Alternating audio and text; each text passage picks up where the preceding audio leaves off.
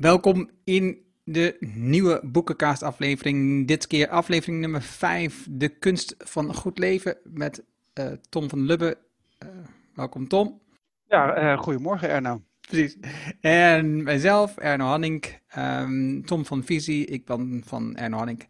En um, de, de kunst van goed leven is opnieuw een boek waarin... Um, we het oneens zijn over wat we van het boek vinden. De vorige keer eh, had, had ik heel weinig met het boek en dit keer kreeg ik uh, eigenlijk midden in de week een bericht van Tom.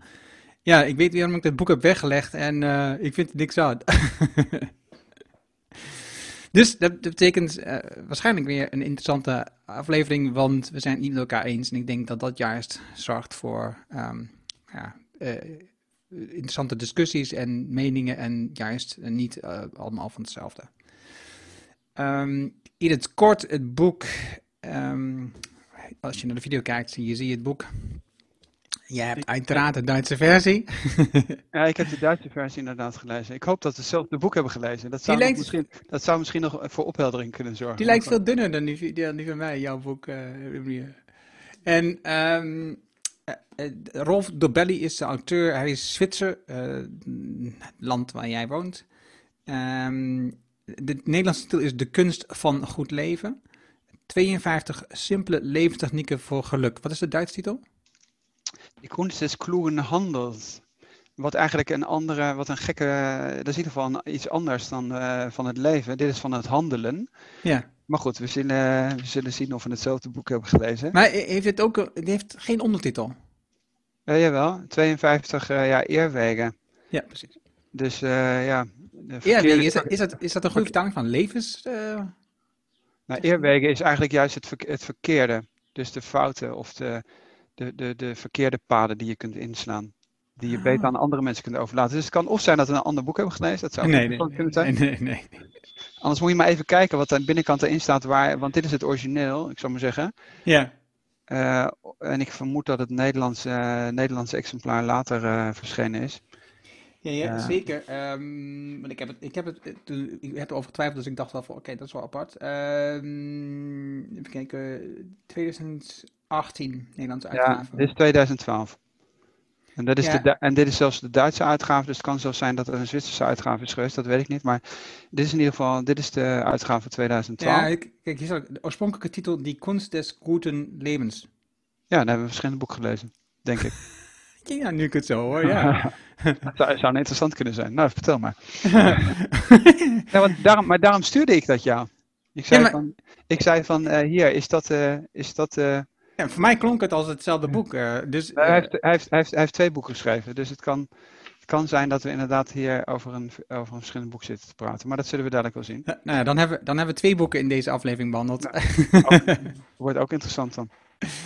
Um, wat ik mooi vond aan dit boek is dus dat um, het zijn 52 korte onderwerpen, telkens um, enkele pagina's, uh, zeg maar drie tot vijf of zo pagina's, over het onderwerp, over dingen die je beter wel of niet kunt doen uh, om het jezelf makkelijker te maken in het leven. Dat is in ieder geval het boek wat ik gelezen heb.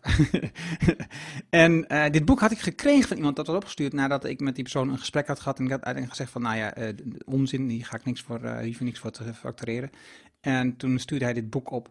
En er lag een tijd in mijn kast en uh, nu heb ik hem opgepakt een paar weken terug en dacht, oh, dit is echt wel, het is een gaaf boek voor mij. Hoe ben jij tot het boek gekomen? Nou, ik uh, woon natuurlijk al sinds 2002 in Zwitserland. Uh, Rolf Dobeli kende ik eigenlijk al. Ik ken hem niet persoonlijk, moet ik eerst even bijzeggen. Maar uh, als je hier woont, dus het is natuurlijk een klein land. Dus als er bijvoorbeeld iemand hier een boek schrijft wat of ik zal maar zeggen, in, in, in de pers terechtkomt met columns. Want eigenlijk is het, is het een, die boeken zijn gebundelde columns die hij heeft geschreven. Hmm. Uh, die eerder zijn verschenen in, in, in kranten. Um, voor gedeelte in Zwitserland of ook in uh, Duitsland. Uh, ja, dan, dan kom je dat in principe wel tegen. Dat geldt in principe, zoals de Nederlanders Bregman ook eerder kennen dan in het buitenland, zou ik maar zeggen. dus ik ken hem al en hij is oprichter van Get Abstract. en dat is een bedrijf wat uh, samenvattingen maakt van businessboeken. Ja. Uh, dus ik ken hem denk ik waarschijnlijk al een jaar of twintig, vermoed ik. dus ja, ik heb, ik heb dat daarvoor al gevolgd, voordat, hij die, voordat die columns gebundeld werden. maar dan komen we, we komen dadelijk wel naar de, naar de inhoud, zou ik maar zeggen. Ja, maar dan ben ik wel benieuwd, want als je, je, je hebt klaarblijkelijk hem gevolgd en ook zijn bundels. Mm Wat was er dan voor jou zo niet interessant aan het boek? Nee, ik, ik, mijn voorstel zou zijn is dat we het omgekeerd doen. Oké. Dat jij, dat je, want, want uh, ik zou zeggen, ik denk dat het beter is om met de positieve dingen te beginnen. uh, en, dan, en dan kan ik na de hand wel, uh, het kan, gaan we, dan gaan we eerst even merken of we inderdaad hetzelfde boek hebben gelezen. Ja, dit is 100% niet, want jouw boek, is, wat, mijn boek, is, zeg maar, het oorspronkelijke boek van deze, de Duitse versie, is van 2017 en niet van 2012. Dus we hebben twee verschillende boeken gelezen. Oké, maar, maar, weet je, maar dat maakt in principe ook niet uit, want uiteindelijk is het, uiteindelijk zijn die, zijn die twee boeken, of ik weet niet of hij er twee of drie inmiddels heeft geschreven, dat zijn allemaal bundelingen van columns die hij heeft geschreven. En dat is voor een gedeelte is dat verschenen, ik geloof in Spiegel, uh, of in Stern, uh, of hier in de Neue Zürcher Zeitung. Dus uiteindelijk maakt het niet zo heel veel uit. Uh, het, het gaat om hem als, als columnschrijver, waar hij het formaat eigenlijk heeft wat we ook kennen van Malcolm Gladwell. Uh, de, de schrijver die uh, de columns uh, schrijft voor de New Yorker. Wat ik echt qua niveau far beyond vind. waar eigenlijk populair, of waar ik zou maar zeggen, wetenschappelijk onderzoek in populaire vorm in een column wordt verwoord. Ja. En dat, dat is in principe wat hij doet. En dat is een bepaald genre, wat Malcolm Gladwell fantastisch beheerst. Ehm, eh, en wat hij eigenlijk, wat hij, eh, ik vermoed zelfs omdat hij die samenvattingen heeft geschreven van die Amerikaanse boeken, eigenlijk dit formaat heeft, heeft getransformeerd naar Duitsstalige, uh, ik zal maar zeggen, Duitsstalige gebied. Hmm. dus maar laten we maar gewoon beginnen met de dingen die jij, die jij interessant en positief vindt. Want het is niet zo dat ik, dat ik alles slecht vind, maar daar komen we dan na de hand wel op. Ja, het, het, het grappige is dat hij heeft, er zijn dus 52 stukken. Um, heeft dus niet een week te maken, maar waarschijnlijk met het aantal columns die hij uh, heeft geschreven in, in een jaar. Een, een, les 52 is eigenlijk de meest belangrijke als je praat over of je succesvol wilt zijn. Hè. Dus het innerlijke succes is stabieler dan het uiterlijke succes. Hè. Dus, dus als je succesvol wilt zijn, is het veel beter om je te concentreren op je innerlijke dan op uiterlijkheden. Uiterlijkheden zijn vergankelijk. Um, hè, dus uh, of je nou een mooi huis hebt, een auto of een mooie vrouw of wat dan ook, een mooie partner, dat is allemaal niet van belang. Als je zelf je innerlijk ontwikkelt, dat, dat, dat kan nooit vergaan. dus dat is, dus, dat is het meest handig om je daarop te werken. Nou ja, dat, dat is de laatste, om dan nog gelijk maar met de laatste te beginnen. Um, daartussen zijn, ja, de ene les is natuurlijk beter dan de andere, of, of vind ik interessant dan de andere. Um, ik heb er een paar opgeschreven, um, zoals bijvoorbeeld um, tijdrovers. sommige uh, technologische ontwikkelingen worden ons in de maag gesplitst, tussen quotes, als, als zijnde een prototijdsverbetering. Bijvoorbeeld e-mail. Een e-mail is veel efficiënter dan de brief. Maar ondertussen krijgen we zoveel e-mails binnen en moeten we dat bijwerken, opschonen en weet ik allemaal wat, dat een brief ondertussen wel eens efficiënter zou kunnen zijn, of nou, hij, hij claimt dat dat zo is, um, dan e-mail. Nou ja, mobiele telefoon, ook iets vergelijkbaars. Mobiele telefoon was natuurlijk efficiënt, want je kunt altijd overal bellen. Nu zitten er zoveel apps op die telefoon die ons afleiden van het werk wat we doen, dat de telefoon uiteindelijk minder efficiënt is geworden dan die ooit bedoeld was. Nou ja, zo kun je ook kijken naar het aantal PC's, laptops en tablets dat je in huis hebt. Eh, breng het terug naar één, zeg hij. Want ondertussen, als je elke keer al die apparaten moet bijwerken, dan ben je daar drukker mee dan dat je het voordeel haalt van het ene apparaat wat je hebt. Dus tijdrovers die oorspronkelijk worden gelanceerd, geïnitieerd als um, efficiëntieslagen, uh, worden uiteindelijk uh, alleen maar meer, betekenen uiteindelijk alleen maar meer inefficiëntie in ons leven. Dus dat vond ik een, een, een, een leuke ik ben, ben het met beide al eens, dus. volgens mij waren die ook niet zo moeilijk. Een andere die ik misschien even die wat bijzonder is, die vond ik ook grappig, eh, was de vluchtrecorder, eh, de black box. Hij schrijft over het feit dat de vliegtuigen worden alleen maar beter um, van ongelukken die gebeuren. Dus um, de black box was een belangrijke uitvinding in de luchtvaart. En daarmee worden namelijk um, momenten opgenomen van net voor de crash, van wat er misgaat. En, ehm, en daarmee maken ze vliegtuigen beter. Uh, de black box uh, kun je dus ook vertalen naar um, als je je eigen beslissingen vastlegt. En dus dat ben ik gaan doen de afgelopen maanden. ehm, om beslissingen vast te leggen in een beslissingenboek. En dat je dus de, de, de beslissingen die je neemt uitwerkt in een aantal vraagstukken die je zelf stelt. Ehm, om vast te leggen onder welke omstandigheid je die beslissing hebt genomen. Het is, welke emotie speelt dat met een rol? Wat vond je belangrijk in deze beslissing? En dan leg je het vast en dan kijk je na een paar maanden terug naar die beslissing. Was het proces wat je op dat moment hebt doorlopen het juiste proces om te doorlopen? Waar de emoties die je had, waren die passend bij? Wat je, heb je nog steeds hetzelfde gevoel? Het gaat dus niet zozeer over de uitkomst van de beslissing, want dat is namelijk veel te veel afhankelijk van geluk, veel te veel omstandigheden. Het gaat over je eigen proces. Was je proces goed? Daar heb ik meerdere mensen over gehoord, onder andere, um, uh, even denken, ik weer? Jim Collins, uh, die, heeft het ook vaker over, dat het, dat het niet zozeer gaat over de uitkomst van de beslissing, maar over het proces van beslissingen. Dus bedrijven die beter worden, die moeten het proces van beslissing nemen verbeteren. En daar ben ik natuurlijk enorm voorstander van. Dus ik ben dat zelf ook meer gaan implementeren. En, dat, en daar gaat eigenlijk deze black box, dat is um, nummer 4 was dat in zijn boek, um, in, ja, die gaat daarover. Dus dat vond ik ook een mooie. En eigenlijk laat ik dan even uh, afmaken.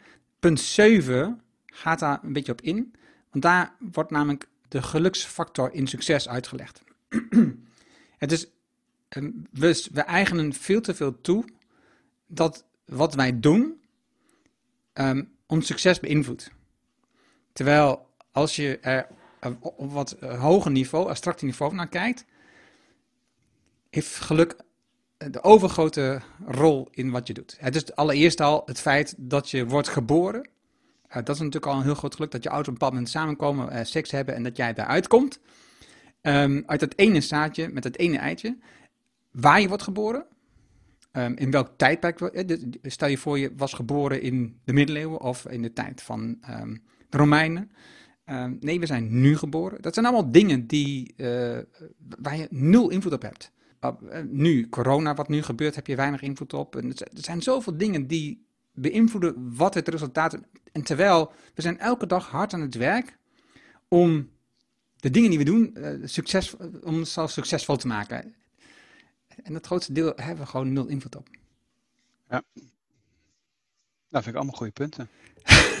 nou, noem jij nou eens even dan een paar van de punten die jij, uh, waar, waar, je het niet zo mee eens bent. Uit dat boek, uit jouw boek. Ja, ik denk inderdaad dat we verschillende boeken hebben gelezen, maar dat maakt, uh, zoals ik al eerder zei, eigenlijk niet uit. Um, ik vraag me nog even af of hij, uh, in welke volgorde die boeken zijn geschreven. Omdat um, ik het wel het gevoel heb dat hij in de loop van de tijd steeds drastischer en gedurfder is geworden in zijn uitspraken. Hmm. En, deze, het origineel van deze is van 2017. Oké. Okay. Maar het kan nog steeds zijn dat bijvoorbeeld dan zou je moeten kijken wanneer zijn columns precies uh, verschijnen. En dat is natuurlijk iets wat je vaker ziet. Een beetje hoogmoed komt voor den val, zou ik maar zeggen. Uh, en, dat, en, dat, en, dat, en dat zie je bijvoorbeeld, hij heeft, nadat hij die boeken heeft geschreven, heeft hij een platform opgericht, Zurich Minds heet dat. En daar zegt hij dat hij, ik zal maar zeggen, wereldwijd de leidende persoonlijkheden uit wetenschap, cultuur en economie samenbrengt. Uh, nou, als je dan kijkt wie daar eigenlijk op staat, dan zijn dat vooral CEO's van grote corporates. En dat zou ik ik zou maar zeggen, met alle respect voor de mensen, niet de leidende, uh, ik zal maar zeggen, denkers van de wereld uh, willen noemen. En dat is misschien gewoon even een, een voorbeeld of een symptoom waarvan ik denk dat hij, dat, hij daar, dat hij daar uiteindelijk zichzelf geen, geen, geen plezier mee doet. En ik, ik, ik zal het boek even onderverdelen in, maar zeggen, in, drie, in drie gedeeltes. In de zin van, het is ook een bundeling van een hoop columns. Er is een gedeelte waarvan ik zeg van ja, ben ik het mee eens. Dus ik neem bijvoorbeeld even een voorbeeld wat hier het allerlaatste boek is. Of het allerlaatste voorbeeld is, dat is bijvoorbeeld mediaconsumptie. is ook een klassiek voorbeeld. Het artikel is overigens van hem ouder, maar net overgenomen en verschenen in de correspondent, schiet me net te binnen. Uh, wat integraal uh, geprint is. Dus het zou kunnen zijn dat mensen die de correspondent lezen, Dobelli, uh, daar voor het eerst zijn tegengekomen. Omdat namelijk de hoofdredacteur van de correspondent zeer onder de indruk was van dat artikel. En Dobelli schrijft, beschrijft in dat, in, dat, in dat artikel waarom, waarom je geen nieuws moet lezen. En dat is een beetje dezelfde positie die ook, uh, ik ben even zijn naam kwijt, de hoofdredacteur uh, van, uh, van de correspondent inneemt. Is dat Jan Paf? Ja. ja. ja. Of de uitgever is dat in ieder geval. Ja. Um, en hij heeft ook een boekje, Plout heeft ook een boekje geschreven over dat, waarom je dagboeken moet bijhouden. En heeft hij zo'n soort dagboek uitgegeven. Kennen de mensen wellicht ook. Uh, dus het opschrijven van dingen, of, het, of alleen de positieve dingen opschrijven, et cetera. Dat heeft ook met je, met je mentale dingen te maken. Nou, dat is een één artikel. Alleen, dat is misschien wel een goed voorbeeld. Hij zegt uiteindelijk dat hij alles afgesteld heeft en dat hij niks meer leest. Helemaal, helemaal niks meer. Nou, en, en, en, en waar, het is wel een goed voorbeeld omdat hij helemaal doorslaat, vind ik. Hmm. Dus, dus, dus het voorbeeld, ik heb, lees heel veel, maar geen actualiteit. In de zin van, het voorbeeld wat ik altijd noem is, vroeger kwam je terug van vakantie na drie weken. En dan had je thuis die stapel papieren kranten liggen.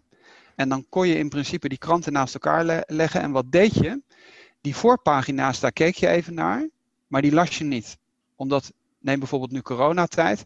Elke dag staat er op hoeveel mensen er ergens zijn overleden of of het aantal gevallen is gestegen of niet. Er zit geen nieuwswaarde in, in die actualiteit. Of dat er een poes uit de boom is gered als het een, een plaatselijk dagblad is. Dat soort, dat soort dingen is allemaal voorpagina nieuws. Ja, er zit, er zit wel nieuwswaarde, maar geen, maar geen kenniswaarde. Ja, nou, ik, ik, ik vind niet eens dat er nieuwswaarde in Nou ja, zit, maar de, krant verkoopt als nieuws. de- daarom, ja. En, en het, is, het, is, het, is, het is eigenlijk een soort opeenstapeling van banaliteiten. Dus wat doe je in principe als je terugkomt van vakantie en die papieren krant lag er? Je sodemieter er eigenlijk dat eerste gedeelte van die krant weg en de bijlages die ergens over gingen. Dat kan, als je je interesseert voor literatuur, dan was het literatuurbijlage. Of eh, ik zou zeggen, als het een filosofiebijlage is. Of misschien de sport, als mensen zich voor sport interesseren.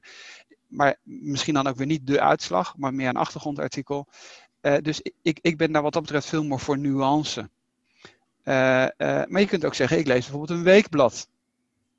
Wat je ook in de mediaconsumptie ziet, is dat mensen zeggen van nou, gedurende de week heb ik weinig tijd.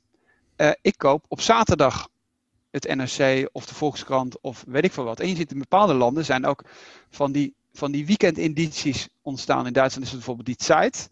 Dat is een, een week, een weekblad, maar in krantformaat. Heel dik. Nou, daar ben je, als je geïnteresseerd bent in substantie, in substantieel nieuws of achtergrondartikelen, dan lees je dat. Correspondent is wat dat betreft ook een goed voorbeeld. Wat natuurlijk in de digitale tijdperk eerder, eerder substantiële artikelen produceert, maar niet, niet elke dag zegt hoeveel, ik zeg maar wat, eh, waar een trein eh, is ontspoord en eh, weet ik veel wat, waar een dam is doorgebroken en et cetera, et cetera. Nou, dat is in principe in de categorie goede artikelen van die bundel, zou ik zeggen, nou, dat vind ik nog goed.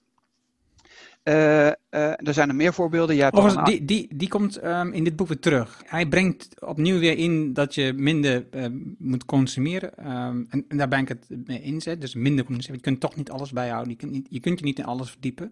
Ja. Um, maar maak keuzes waarin je je wel verdiept. nou, daar ben ik het mee eens. Misschien even aansluitend. Hij noemt een ander punt ook. dat hij heeft gekozen om minder boeken te lezen. Ja. En dus minder boeken lezen, maar de goede boeken vaker lezen. Zijn stelling is dat je, um, als je een boek voor de tweede keer leest, dat je wel tot 12% uh, meer onthoudt ja. um, dan de eerste keer of iets. Nee, ik weet, ik weet de percentage niet, maar over in ieder geval flink veel meer onthoudt dan je de eerste keer leest. En dus wat hij ervoor kiest is om gewoon een bepaald maximaal aantal boeken te lezen in een jaar. En in 10 minuten bepaalt of een boek wat hij krijgt voorgeschoteld of wat hij bestelt of wat dan ook, bepaalt is dit boek het lezen waard. En, en vanuit daar um, alleen de kwaliteitsboeken uh, werkelijk leest en die dan vaker leest. Ja, ben ik het ook mee eens. Ja. Ja, daarom zeg ik okay. bijvoorbeeld minder managementboeken lezen en meer filosofie. Maar dat is bijvoorbeeld mensen die, die bijvoorbeeld al, ik denk bijvoorbeeld even aan mijn, aan mijn, aan mijn opa. Daar lag Marcus Aurelius op het nachtkastje. Nou, dat zijn levenslessen, maar dat is filosofie. Dus, uh, uh, maar dat geldt voor bepaalde romans ook. Die kun je in principe afhankelijk van je levensfase, haal je er andere dingen uit. Ja. Dus, uh, dus dat, is, dat is de categorie waarvan ik zeg interessant. Zeker de moeite om, om dat soort dingen te lezen. Ik vind dat hij er vaak in doorschiet. En bijvoorbeeld bij, bij het lezen van boeken, bijvoorbeeld het herlezen van, ik zal maar zeggen, filosofie. heeft, een andere, heeft een andere kwaliteit dan het herlezen van ik zal maar zeggen Jim Collins. En dan Hmm. is Jim Collins in de categorie managementliteratuur waarschijnlijk eerder een hele goede uh, schrijver.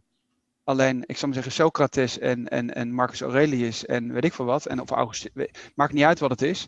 Seneca. Uh, dat Seneca uh, of de Stoïcijnen, et cetera, dat is een beetje dat hele segment waar, waar de School of Life op zit, zou ik maar zeggen. Als je dat wat wilt populariseren, is heeft, vind ik, dat is meer de categorie levenslessen, uh, uh, bezinning, reflectie, et cetera. Ja. dus, dus daar, ik zeggen, daar ben ik het met me eens. Dan is die tweede categorie, zal ik maar zeggen, in die middencategorie, daar deelt hij heel erg uit. Zal ik daar met een voorbeeld komen? En een derde categorie, dat is het meest negatieve, daar is het gewoon wetenschappelijk onjuist. Hmm. Daar is, en, dat, en ik heb er natuurlijk van tevoren over nagedacht. Dus ik heb categorie positief. Dus daar sluit ik me aan bij de voorbeelden die jij hebt genoemd. Of nieuwsconsumptie. Of er zijn een hele hoop van dat soort dingen. Dan is de categorie waarvan ik denk van ik vind het moedig. En dan haal ik er bijvoorbeeld nu één, daar haal ik er even uh, één uit. Uh, en dan kun je dan, ik zou maar zeggen, je kunt een wetenschappelijke discussie voeren omdat je het niet met elkaar eens bent. Maar ik neem bijvoorbeeld hier één. Hij zegt van als je niks te zeggen hebt, dan zeg dan niks. Uh, en dan zeg ik van nou, dat is op zich, als je, voordat je het gelezen hebt, kun je het daarmee eens zijn. Want er wordt veel onzin verteld en soms is het zinvoller. Hè? Dat is een beetje ook weer less is more. Uh, misschien moet je wat langer nadenken voordat je je mond open doet. Er zijn een hele hoop mensen het mee eens zijn. Alleen dan gaat hij voorbeelden noemen. En dan noemt hij bijvoorbeeld hier Jurgen Habermas. En dan noemt hij Jacques Derrida. Nou, je hoeft helemaal geen, ik zal maar zeggen, specialist te zijn voor filosofie. Maar Jurgen Habermas is op dit moment waarschijnlijk, ik zal maar zeggen, van de filosofen die leven, bijvoorbeeld in het Duitsstalige gebied, een van de, van de twee of drie belangrijkste filosofen. En dus je hebt Sloterdijk, kennen we in Nederland ook, Jurgen Habermas. Ik zou zeggen, nou, dat is best wel moedig om, om dan te zeggen, en dat is iemand, dat, is moe, dat is, zijn moeilijke boeken. Dus het is niet zo dat je dat even makkelijk weglijst. Dan pakt hij Derrida, nou dat is een Franse filosoof. Uh, en, dan zegt, en dan zegt hij, ik zeg het eerst even in het Duits, denkfaulheid, doemheid oder nichtswissen führen zu Unklaarheid im Kopf. Nou, dat betekent denkluiheid, domheid en niet weten leiden tot, tot onduidelijkheid in je hoofd. Nou, dat is eigenlijk, dat komt, wat hij hier doet is, er is, er is in, de, in, de, in de communicatieleer zeg je, helder denken leidt tot helder formuleren, leidt tot helder handelen. En, daar, en dat draait hij dus hier om. En hij zegt dan, en dan valt hij dus een van de belangrijkste filosofen aan. Dus voor de mensen die bijvoorbeeld Habermas eh, bijvoorbeeld niet kennen, als je hem googelt, ik ga er nu even uh, niet, niet, niet uh, op in, denk ik van, nou dat vind ik nogal moedig. Hij is geen hoogleraar filosofie en dan gaat het in principe verder. Hij heeft op zich ook zelf dingen, hij, heeft, hij is gepromoveerd. En dan zegt hij van, dan gaat het over Derrida. Ik zal het meteen even vertalen. Ik heb, in mijn, ik heb zijn boeken verslonden, maar na intensief nadenken er niets van begrepen. Daardoor kreeg zijn filosofie een soort aura van, van een geheime wetenschap.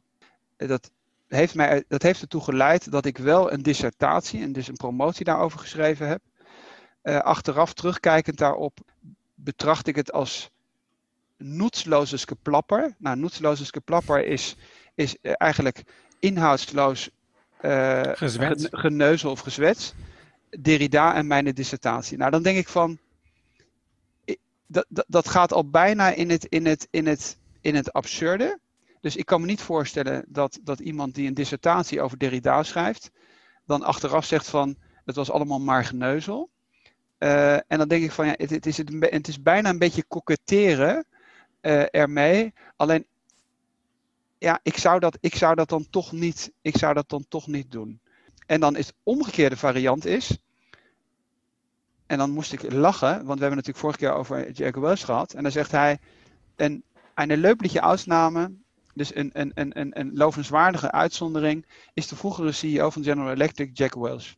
Hij zei in een interview: U gelooft niet hoe moeilijk het is simpel en, en duidelijk en helder te zijn mensen die, die daar bang voor zijn, eh, dat, dat wat ze zeggen te simpel gezien wordt, dat is dus niet zo. De omgekeerde, het omgekeerde is waar. Dus hoe simpeler en hoe pregnanter je iets kunt formuleren, des te beter is het. En dan zegt hij, conclusie, dubbele punt, uh, een gezwets maskeert het, het niet weten. Nou, dat is als je dan Derrida en Habermas neemt als, als voorbeelden en die dan aanvalt, denk ik van, vind ik, niet, vind ik niet slim. Je zou genoeg mensen kunnen pakken waarvan je zegt van, nou, misschien zou je volgende keer eens wat beter moeten nadenken voordat je je mond open doet.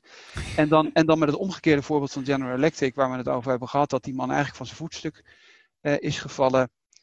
uh, en zo zitten er nog meer van dat soort hoofdstukken in.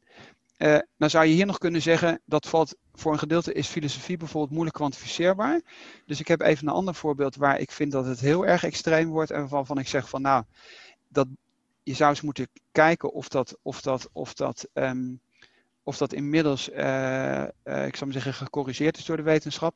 En dat is het hoofdstukje hoe je met bonussen motivatie kunt, uh, kunt kapot maken of kunt vernietigen. Ja, onderwerp mijn onderwerp. Dus ik zou zeggen, ik denk dat ik daar, dat ik daar iets over uh, durf te zeggen. En dan zegt hij, als je als onderneming uh, bijvoorbeeld een situatie hebt waar waar het niet om intrinsieke motivatie gaat. Dus waar je geen intrinsieke motivatie hebt, dan is dat overigens geen probleem een bonus uit te betalen. Dus nog even op een andere manier te verwoorden. Bonussen functioneren wel, maar in, in segmenten waar mensen niet intrinsiek gemotiveerd zijn. En dan neemt hij als voorbeeld, daarom heb ik het eruit gehaald, omdat ik denk dat ik daar wel iets over kan zeggen. Kent u bijvoorbeeld uh, uh, beleggingsadviseurs, verzekeringsagenten, accountants, die uh, zijn werk uit een soort, uit, uit intrinsieke motivatie doet, dus echt met passie, vraagteken, die, aan een missie die in een missie gelooft, ik niet. Dus hij pakt in één keer die hele financiële sector, maar eigenlijk ook de adviserende beroepen van accountancy, controllers, bankiers, iedereen die in de verzekeringssector werkt. Dus dat is waarschijnlijk, ook overigens in Zwitserland, uh, waarschijnlijk, ik weet niet, tussen de 10 en 25 procent afhankelijk van, van, ik zou maar zeggen, de stad of het land waar je in zit. En hij zegt, nu komt de conclusie. Daarom functioneren bonussen in deze branche zo goed.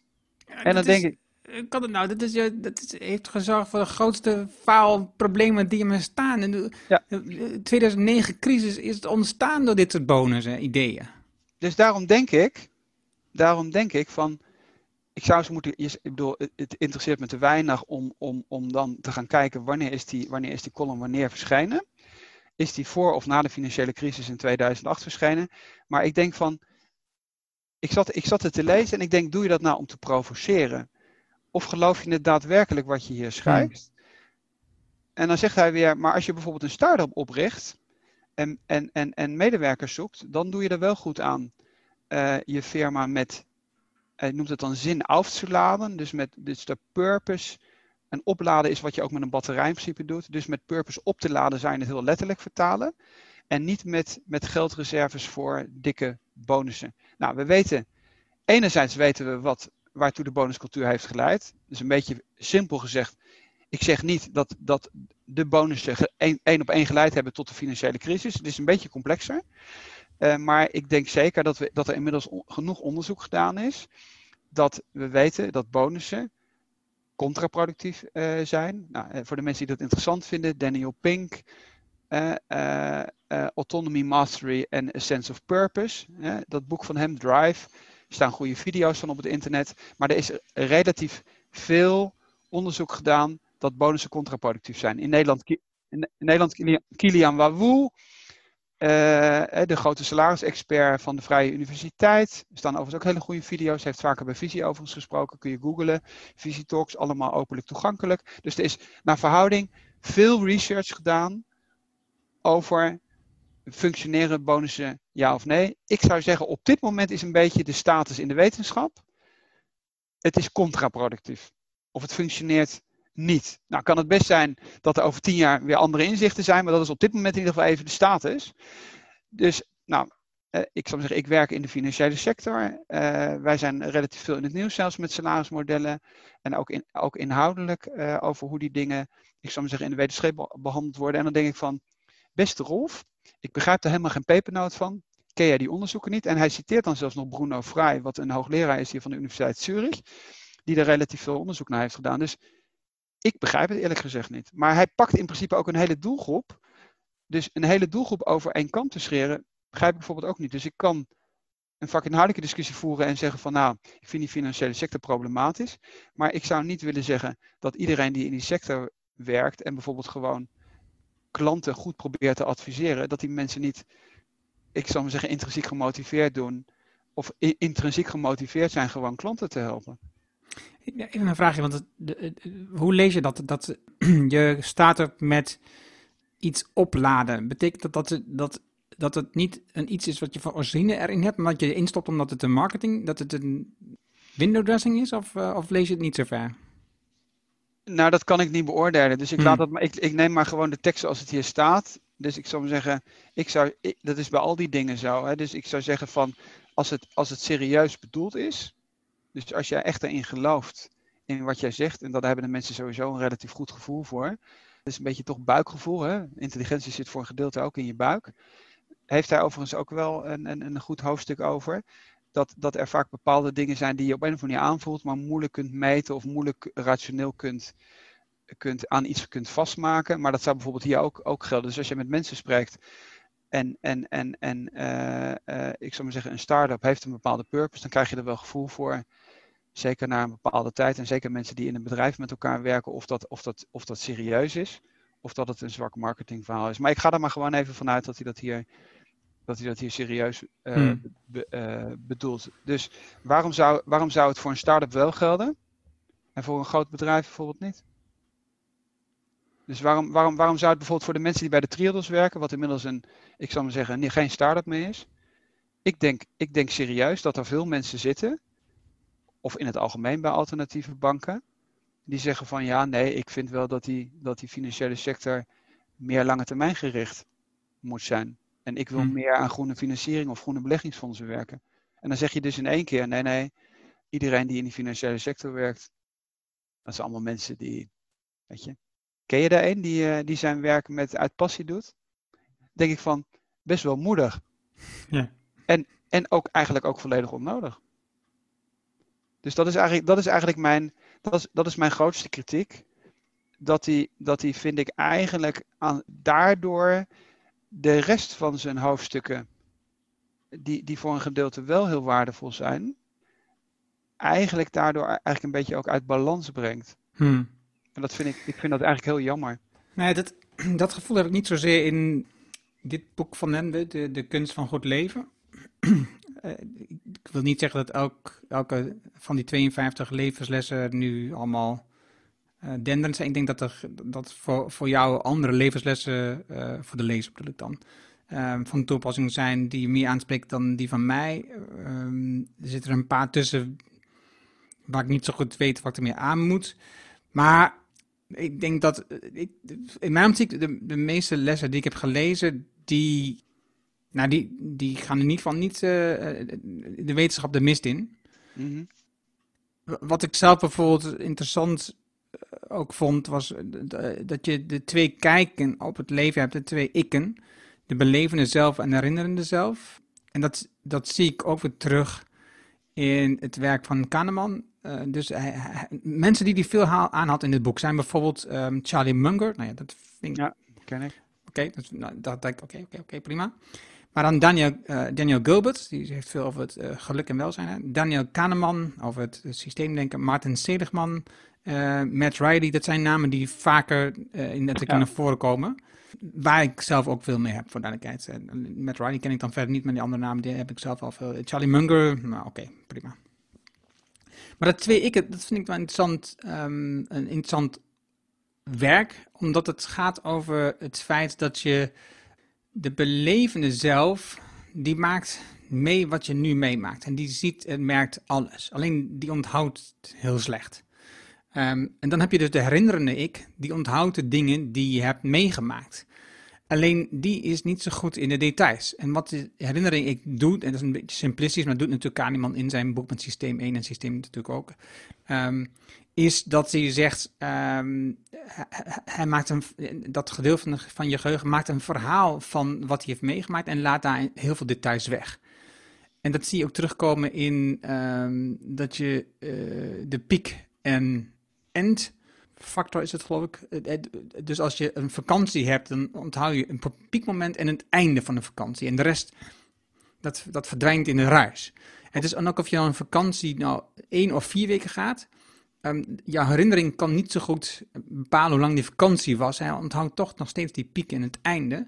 En, en dat, ja, dat vind ik mooi om over na te denken, wat voor effect dat heeft over de dingen die je doet. dus, En dat zie je bij uh, Kahneman ook in presentaties terugkomen. Hij vertelt bijvoorbeeld over endoscopieonderzoek. Mm dat, is, dat is geen fijn onderzoek. Maar als je het einde van het onderzoek minder pijnlijk maakt, ook al duurt het langer, heb je, heb je een veel minder slechte herinnering aan het onderzoek dan mensen waar het kort is en het heel pijnlijk is. Was dat, was dat, was dat Kahneman? Ja. Ja, nee, dat, dat voorbeeld ken ik ook. En, uh, ja. ja. Dus ik vind dit soort dingen vind ik dan super interessant. En, en, en ik denk, uh, zoals nu, de coronacrisis, weet je, als je middenin zit, de belevende zelf vindt het natuurlijk een dramatisch iets. zeker als je ook nog het nieuws volgt, dan word je opgeslokt door heel veel nieuwsfeitjes. En ook nu straks de verkiezing van Trump, als je dan blijft volgen, dan heb je heel veel nieuwsfeitjes. En dat is de belevende zelf die dat meemaakt.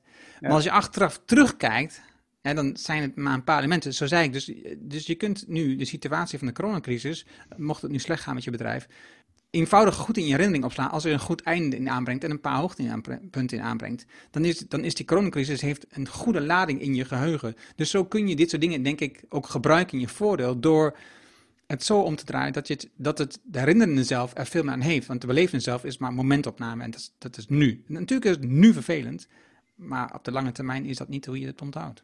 Ja, dat is een goed voorbeeld. Het boek van Kahneman, uh, dat ken ik ook. Uh, en het grappige is, ik neem meteen even een praktijkvoorbeeld om meteen ook te laten, eigenlijk te laten zien dat het, het toepassen van de theorie die je leest in de praktijk. Dus even dat voorbeeld van het begin en het einde. Ik ben vroeger, toen ik nog niet twee hele kleine kinderen had, veel met de rugzak gereisd. En, en, en toen ik dat las, toen werd mij duidelijk, ik zou maar zeggen rationeel duidelijk, wat ik in principe bij de reisplanning altijd deed.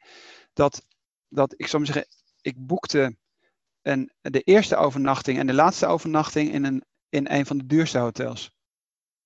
Nou, dat is meteen dus praktijkvariant van wat Kahneman beschrijft.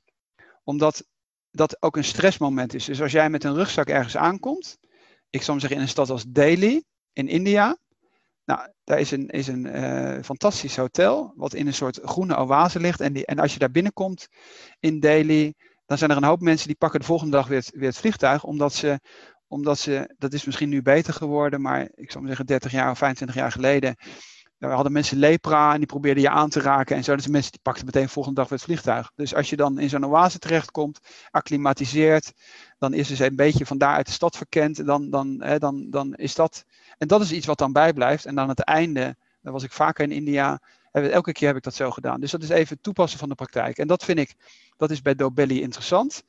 En dat is wat Malcolm Gladwell ook doet wetenschappelijk onderzoek pakken, dan lees je dat, je krijgt dit in een notendop geserveerd en dan zeg je hoe kan ik dat toepassen. Ja. Nou even naar die crisis van corona, even het brugje van Kahneman. Waar, ben, waar zijn we op dit moment mee bezig? We zijn op dit moment bezig om na te denken, als corona uiteindelijk echt afgesloten is, wat gaan wij voor een event organiseren? Ik weet helemaal niet of mijn collega's hier allemaal naar, naar luisteren. Ik denk het niet, dus, want ik, ik, ik, doe veel te veel, dus ze luisteren er sowieso niet naar. Maar ik, ik heb in principe gezegd van, uh, tegen mijn collega's, we moeten iets doen wat een blijvende indruk achterlaat. Dus ik ben aan het kijken, gaan we, gaan we bijvoorbeeld de stand-up paddling in Noorwegen in de fjorden doen? Of gaan we Wim Hof uh, aanbieden en in een, in een bad met ijs liggen? Dus iets zeggen dat na de hand zeggen van, we hebben ooit die coronacrisis gehad en, en daarna gebeurde er iets dat is me bijgebleven. Dus dat is ook een typisch voorbeeld van dat Kahneman-thema. Nou, het bruggetje naar de crisis. Want ik wil het toch, ik wil het past wel goed, omdat we het natuurlijk deze podcast voor ondernemers doen. Hij heeft een hoofdstuk hier. Waarom, crisis, waarom crisissituaties uh, zelden uh, kansen zijn. Nou, daar pakt hij, gaat hij weer iemand aanvallen. Zelden kansen, even duidelijk. Ik... Zelden, ja. Dus geen kans zijn. Okay. En, dan, en dan komt hij eerst met een voorbeeld van een van de een privévoorbeeld. Dat ik even weg. En dan komt hij met een voorbeeld van een ondernemer. En dan zegt hij, dan citeert hij Nietzsche, ook weer heel dapper. Nou, dat is een citaat wat ik ook vaker gebruik. Ik zeg het eerst even in het Duits. Was mich niet umbrengt, macht mich sterker. Dus wat, waar, ik niet, waar ik niet dood aan ga, of, want dat is eigenlijk ombrengen, eh, dat maakt me sterker. Nou, dat is denk ik iets wat, wat als je mensen vraagt die met, met dit soort thema's bezig zijn, en daar is overigens ook, als het nu voor de ondernemers zijn, is onderzoek naar gedaan. Bedrijven die in de crisis gestart zijn, die hebben een hogere kans statistisch gezien om te overleven dat is eigenlijk ook logisch. Waarom is dat zo? Omdat in een moeilijkere situatie de onderneming wordt opgericht. Men weet uit onderzoek dat die ondernemers beter op hun geld oppassen. Uh, sterker naar, zelf naar oplossingen kijken. En het tegenovergestelde is als je te veel geld hebt, uh, dan, uh, ja, dan, dan is dat lastig. Want dan geef je bijvoorbeeld veel te veel uit voor marketing en je gaat niet op zoek naar goedkope oplossingen. En als dan een crisis komt, dan heb je niet geleerd met weinig geld het voor elkaar te krijgen. Nou, dat, ik denk dat je met gezond mensenverstand, ook al ben je geen ondernemer, dat relatief goed, uh, ik zou maar zeggen, kunt, daarop kunt reflecteren en kunt zeggen, oh ja, daar kan ik me wel iets onder voorstellen. Dus hij zegt, citaat van Nietzsche, nee, dat is fout. Een, een crisis van een bedrijf maakt een bedrijf niet sterker, het maakt het zwakker. De klanten die lopen weg. Uh, de media die schrijft er negatief over. Uh, je, je beste medewerkers verlies je. Je cash uh, zinkt, et cetera. En dan denk ik weer hetzelfde wat ik met dat andere voorbeeld over bonussen noemde. Ik denk van, er is relatief veel onderzoek naar gedaan. Naar dit soort dingen. Nou neem ik maar even nu de ondernemen, ondernemingen. Want dat kun je met statistische data relatief goed nemen. Maar ik neem nou even bijvoorbeeld een humaan voorbeeld. Je ziet, en dan ben ik natuurlijk historicus, uh, je ziet bijvoorbeeld dat na oorlogen er een groot saamhorigheidsgevoel is en er relatief veel uh, dingen gebeuren. En dat is een discussie die we natuurlijk nu in corona nu ook hebben. Omdat het bewustzijn dat er iets moet veranderen groter is dan normaal. Nou, dat is nu ook. Dus we zitten midden in die coronacrisis. Er wordt nu meer nagedacht over, zouden we die cruciale beroepen niet toch beter moeten betalen? Zouden we toch meer naar circulaire economie moeten? Zouden we toch eens moeten nadenken over belastingontduiking? Zouden we toch wat minder moeten vliegen? Zouden we misschien toch eens moeten nadenken over intensieve veeteelt? Hè, want daar die, komen die virussen vandaan, et cetera. Dus je zou zeggen, nee, de crisis is daadwerkelijk ook een kans. Dan denk ik, waarom schrijf je nou zo'n hoofdstuk? Als er relatief veel onderzoek naar gedaan is, dus voor ondernemingen, maar ook voor een maatschappij in het algeheel. En dan neem ik even als historicus het voorbeeld van internationale samenwerking. De Volkenbond is na de Eerste Wereldoorlog ontstaan. De Algemene Declaratie van de Rechten van de Mens is na de Tweede Wereldoorlog ontstaan. Waarom? Omdat de mensen die dat grote aantallen, niet alleen dat grote aantallen doden na een oorlog uh, hadden. Dus na een oorlog zegt iedereen, dit willen we nooit meer meemaken. Want uiteindelijk, uiteindelijk heeft iedereen eronder geleden. Of dat naar de tegenstander was, of dat zijn ook maar mensen. Dat zijn ook moeders die hun zonen en, eh, verloren hebben op het slagveld, et cetera. En bij de Tweede Wereldoorlog kwam natuurlijk, kwam natuurlijk nog, ik zou maar zeggen, het hele drama van de concentratiekampen kwam erbij. Dus de mensen zeiden van eh, de Algemene Verklaring van de Rechten van de Mens. En de mensen die in die concentratiekampen hebben gezeten. En dan schiet mij bijvoorbeeld Stefan Hessel met de binnen, de Fransman. Uh, die een boekje heeft geschreven van jongens, ga de straat op en probeer die, probeer die wereld te redden. dat, dat, je, hebt, je, hebt, je hebt veel oudere mensen die dat soort dingen nog hebben meegemaakt. Die zijn veel humaner ingesteld. En zeggen, jongens, laten we hier, laten we hier uit leren of van leren. En ik denk dat we dat nu bij de coronacrisis, dat we weer zo'n situatie hebben. Hmm. Dus dan denk ik van, waarom schrijf je nou zoiets? Ik begrijp, ik begrijp er geen pepernoot van. Nee, die snap ik ook niet. Het is uh, grappig. Eh, op dit moment, of een tijdje geleden ben ik op Twitter. Het is een kanaal wat ik meer privé dingen gebruik en ik niet echt zakelijk dingen mee doe. Maar ik ben mijn Twitter-tijdlijn een tijdje geleden aan, aan het verbreden geweest. Dus ik heb meer zwarte toegevoegd naar aanleiding van de rellen in Amerika. En um, om te kijken wat is, wat is de andere kant van het verhaal. Maar ik, al wat eerder had ik um, het Holocaust Museum toegevoegd. En die publiceren meerdere keer per dag een foto van iemand en een kort verhaal. Of eigenlijk, het is niet eens een verhaal. Het is wanneer ze zijn, um, waar ze vandaan komen, uh, wat de datum is dat ze zijn opgepakt in het kamp zijn terechtgekomen. En de datum, als dat zo is, wanneer ze zijn overleden, tussen quotes. Het zorgt voor, bij mij in ieder geval, dat we dat voorop stellen, voor een soort um, realiteitszin. Weet je, dit, dit is wat er is gebeurd. Dit is wat, wat nog steeds gebeurt. Dit is, dit is uh, de werkelijkheid. Dit is, de werkelijkheid is niet alleen maar uh, meer omzet, uh, groei en weet ik veel wat, mooie vakanties. Dit is ook de werkelijkheid. En dus dit, dit zorgt. Het is een, een tweet over Trump die door mensen wat aangaat en ik kan een dommigheden. En denk je, ja, oké, maar dit is, dit, is, dit is een andere realiteit. Klopt. dus, dus dat, dat, wat ik me wil zeggen is dat dit soort dingen crisis zorgt, wat je zegt, voor bezinning. Zorgt voor dat je dieper nadenkt over dingen, omdat je bewust bent van de eindigheid, bewust bent van het niet maakbare, van, uh, van het geluk en het ongeluk wat ons overkomt. Tuurlijk, en de vraag is altijd hoe krijg je die wereldproblematiek zo gepersonificeerd dat je je verplaatst in de persoon. En dat is bijvoorbeeld, als het juist om bijvoorbeeld de Holocaust gaat, is dat best wel lastig, want 6 miljoen Joden zijn vergast. Dat is iets heel abstracts. Als je dan leest het dagboek van Anne Frank, of je hebt bijvoorbeeld in Duitsland kreeg je een project de Stolpersteinen. Dat, zijn, dat is in Nederland, uh, uh, heb ik daar ook al over gelezen.